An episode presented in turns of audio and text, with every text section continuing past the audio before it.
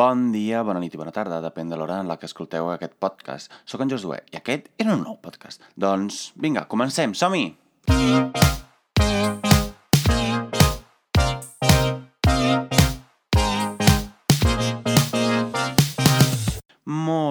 doncs el tema d'avui és un tema que m'ha sorgit fa 10 minuts perquè estava mirant el programa de TV3 Planta Baixa i estàvem parlant del tema de la Colau, estàvem parlant del tema de si cal fer servir el català, si no cal fer servir el català, quina diferència la institució del català, no sé què, no sé quan, no sé com.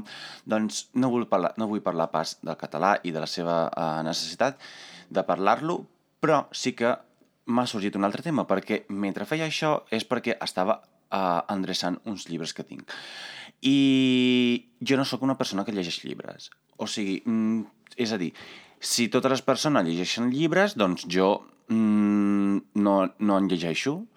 Que significa que recordo que quan tenia uns 7-8 anys estava boig per llegir llibres, sobretot el Jerónimo Stilton, però després, uh, no sé per què, però mm, se m'ha acabat la, se m'han acabat les ganes de llegir llibres i no és que no, no estigués gens interessat en un llibre en particular o que no volgués llegir-ho, però sí que és cert que uh, una cosa que sempre m'ha condicionat molt a l'hora d'escollir si llegir o no un llibre ha sigut la pressió social.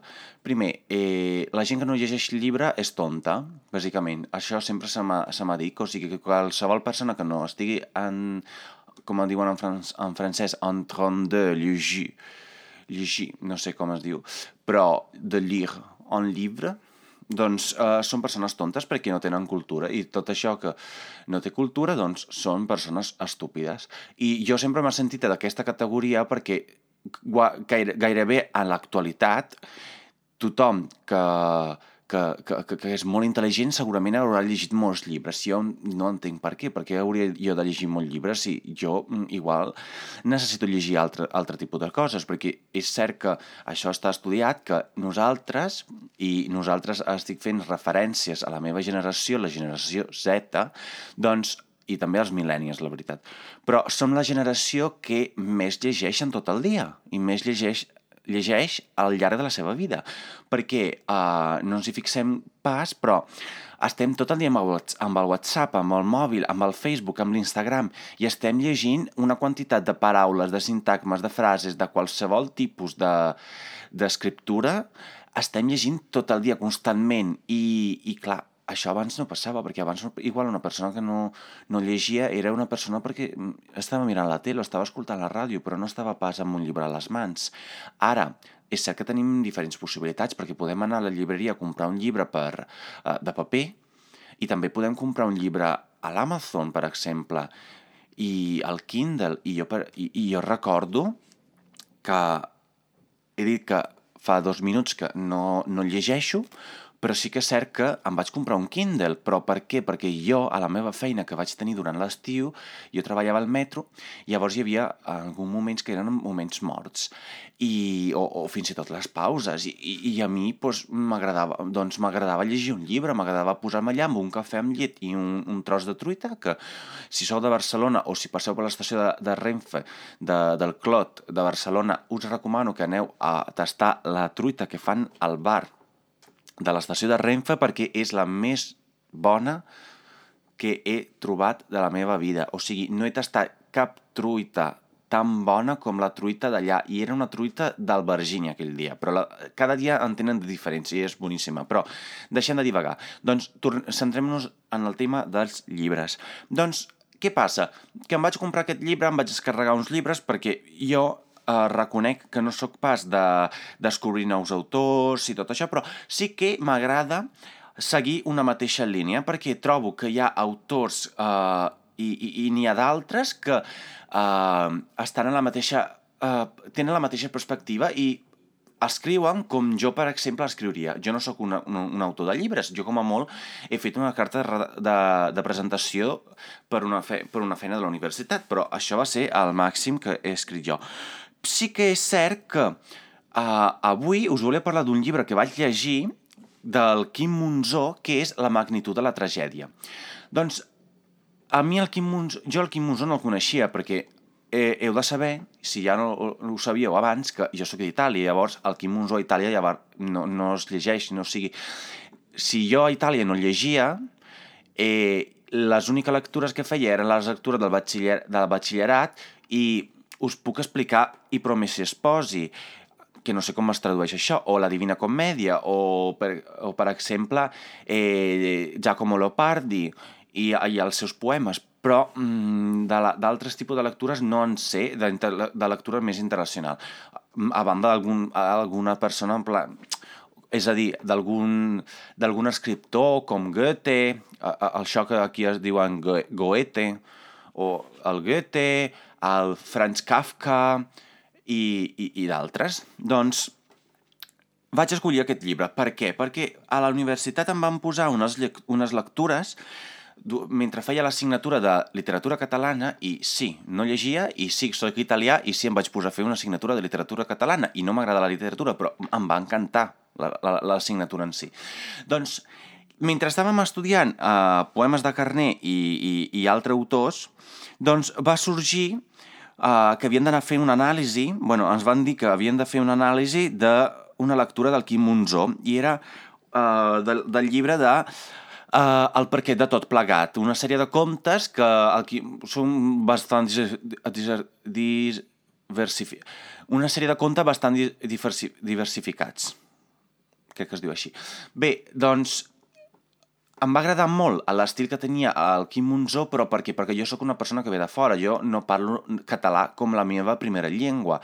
Què passa? Que jo necessitava un estil d'escriptura que fos molt directe, molt fàcil i que ho pogués entendre bé, perquè una cosa que a mi em molesta molt, sobretot quan llegeixo en anglès, és el fet que jo estic estudiant traducció, jo em dedico a les llengües, i què passa? Que hi ha coses que jo les puc entendre des del context, però hi ha coses que, en canvi, doncs, jo la necessito comprendre bé, encara que des del context entengui i, i pugui resoldre el seu significat. I llavors, uh, llegir un llibre per mi és una, és una doble feina, si, sobretot si estic fent... Bueno, una triple feina, llavors, perquè primer estic llegint una llengua que no és la meva, estic llegint, que no és una cosa que uh, faci eh, regularment, i tercer, perquè a mi m'interessa saber què signifiquen de veritat les paraules, què signifiquen de debò, perquè si no, mm, jo crec com que no, no m'estic no me n'estic adonant prou del que està dient l'autor en, en, aquest, en aquest llibre, en aquest text. I llavors,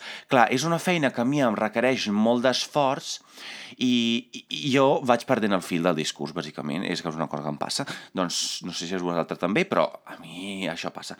I llavors jo vaig escollir aquest llibre del Quim Monzó, reconnectant-nos al, al, al, al, al, al tema central d'aquest podcast, i vaig escollir el llibre La magnitud de la tragèdia. No el coneixia, no sabia de què parlava, i també és cert que m'ha sorprès bastant quan he, he descobert que parlava d'una erecció. I, bueno, doncs parlen d'una erecció i, i bé, com que és una cosa que a mi em toca de prop, perquè jo em, em, em sento home i, i tinc ereccions i ja està. Doncs uh, és un llibre que, mentre relatava de l'Anna Francesca o l'Anna Francesca, jo no sé com ho vulgui, Anna Francesca i el Ramon Maria, jo no sé si és a l'italià o la Francesca aquesta o en català, però jo li diré Anna Francesca perquè per mi sona molt millor.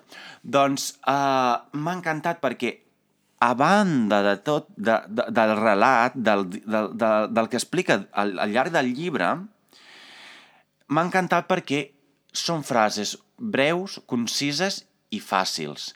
I per una persona que està aprenent català, com jo, eh, jo necessito aquesta senzillesa, perquè jo necessito cada dia aprendre vocabulari nou per poder millorar el meu discurs i també poder-ho ampliar, perquè uh, a principi jo parlava català, um, però el català molt bàsic, o sigui, my name is, uh, I, I have four friends, o sigui, això, però en català, tinc un amic, um, els estudiants són molt bons, uh, estudio català... Clar, és una cosa que això va bé pel primer mes, perquè diuen ai, mira, quina gracieta que, que fa aquest, aquest mosso que està parlant català i, i, i encara l'està aprenent, quina gràcia que fa mosso, eh? Ai, que maco, eh? Que ets molt bufó. Però després, clar, arriba un moment de la veritat, perquè l'UPF, una cosa que no us he explicat si no, no, i no sé si la sabeu, però comences a la universitat, et diuen que no te trauràs pas al nivell de català D, C, no sé com es digui, però el nivell més alt a final de la carrera pel fet d'haver fer, de, pel fet d'haver cursat dues assignatures que no són les, les assignatures reglamentàries, entre cometes, que és llengua catalana i ús comparat cata, català-castellà, sinó que fas idioma català, perquè ets de fora i com que ets de fora no tens prou coneixements per poder provar una assignatura així, que jo crec que la podria haver provat, perquè al final és tota búsqueda del Google. Però, bé, uh, no sortiré pas amb el nivell de català, però jo ho intento, o sigui, ningú m'està uh, dient que no ho faci i ningú m'està uh, dient que, no, que és impossible. Llavors, jo ho intentaré, i això són els AirPods que acabo de treure de la capseta, no sé per què. Doncs els guardo. I bé, què passa? M'ha encantat aquest llibre és un llibre molt discursiu, és un llibre que té diferents personatges, però no és d'aquells llibres que t'has de rumiar massa quins són els personatges, què fan els personatges i on s'han perdut els personatges al llarg de la història. Perquè una cosa que jo no suporto és el, el fet de recordar-me què havia dit un personatge per poder entendre la resta de la història quan al mig han, pas, han passat 400 pàgines. I és una cosa bastant complicada, sincerament. I hi ha autors que sí que... que, que autors que li encanta fer aquest, aquest tipus de embarbussament de eh, mentals i, i n'hi ha d'altres, com el Quim Monzó, que m'agraden. Doncs us animo a llegir el, el Quim Monzó, bàsicament. I també m'agrada l'Empam Moliner, però aquest serà un altre podcast. Però bé, amb això que volia dir-vos, que, si us plau, no jutgeu la gent que no llegeix, perquè la gent que no llegeix segurament està, tro està trobant altres maneres d'informar-se de les coses. Que després sigui una persona que només s'informa pel Facebook i de les complotistes i del 5G i les vacunes al Covid que es volen implantar un xip, doncs això sí, li podeu dir estúpids, tonto o el que us vingui de gust. Però bé, si són persones que saben, saben on trobar la informació, saben contrastar-la, doncs són persones que no estan llegint un llibre, no estan agafant un, un paper i, i estan, l'estan fullejant, sinó que estan informant-se fent un scroll down a la pàgina web. I bé, amb això termino aquest podcast. Espero que us hagi agradat i també espero que llegiu un llibre o us informeu per internet, com faig jo. Doncs vinga, Adeu!